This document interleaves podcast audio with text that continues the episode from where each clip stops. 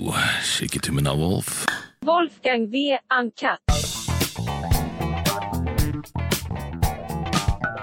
Det var ganske komisk. Den, eh, vi fikk jo et oppdrag å lage den låta til Røkke sin bursdag. da. Ja. Begynte på bunnen. Begynte på bunnen, ja. Eh, Den skulle jo egentlig være helt hemmelig.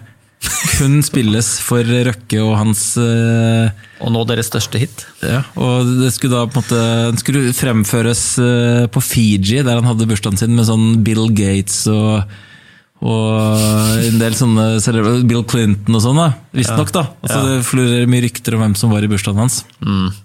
Og så For dere spilte inn låta og videoen, så dere var ikke til stede i bursdagen. Nei, eh, vi dro ikke på Fiji, da.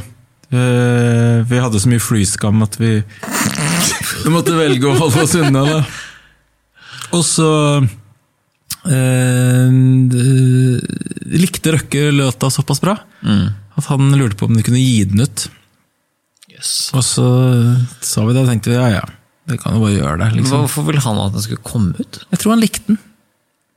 Ja, men det, det er jo fett, det. Men så på en måte At man vil at det skal komme ut sånn. Man ville vel at andre skulle høre den også, da. Og det, få- og det kanskje komiske er jo at eh, Historien kanskje var uh, Han har jo hatt uh, uh, måte sånn, Dette var jo en, et oppdrag som vi fikk, sånn at vi var jo ikke så opptatt av å måte, dra fram noe kontroversielt. mm. Vi, vi ville jo på en måte hylle han, da.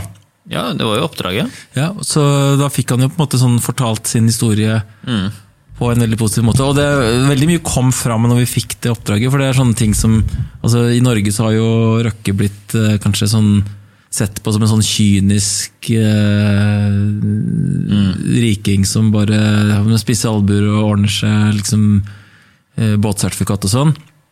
Men det som vi blant annet fant ut, var jo at han er jo eh, med, en sånn, han er medlem i en sånn eksklusiv klubb som heter The Giving Pledge. Som er da en sånn uh, internasjonal organisasjon som kun består av multimilliardærer.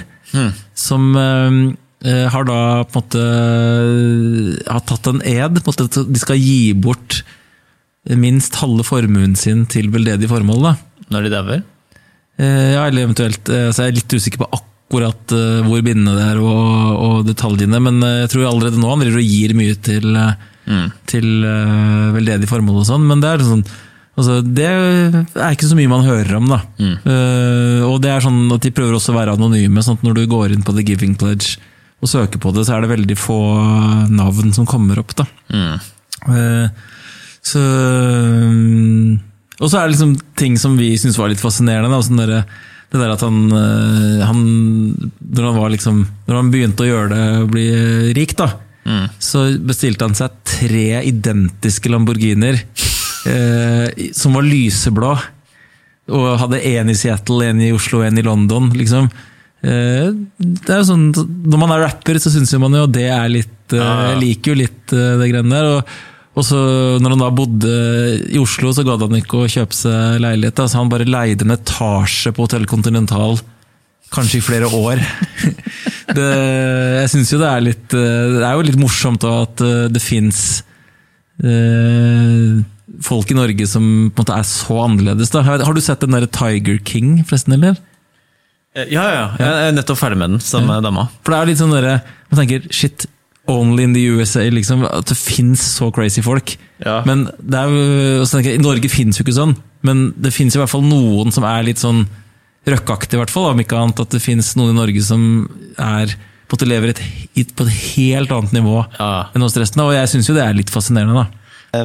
Den der kuken han sendte til Ja, Stein ja, Erik for det Hagen. er jo Det komiske er jo sånn der, For å liksom sånn slutte sirkelen, da. Ja. Han eh, Reidar Finsrud, som da blant annet har den eh, teorien om at atombomber ikke fins, Ja, Som er han som har lagd det er da han som har lagd den kuken. Oh, Er det han? Er det, Ja, det, for det han er Reidar? kunstner. Er det det, ja?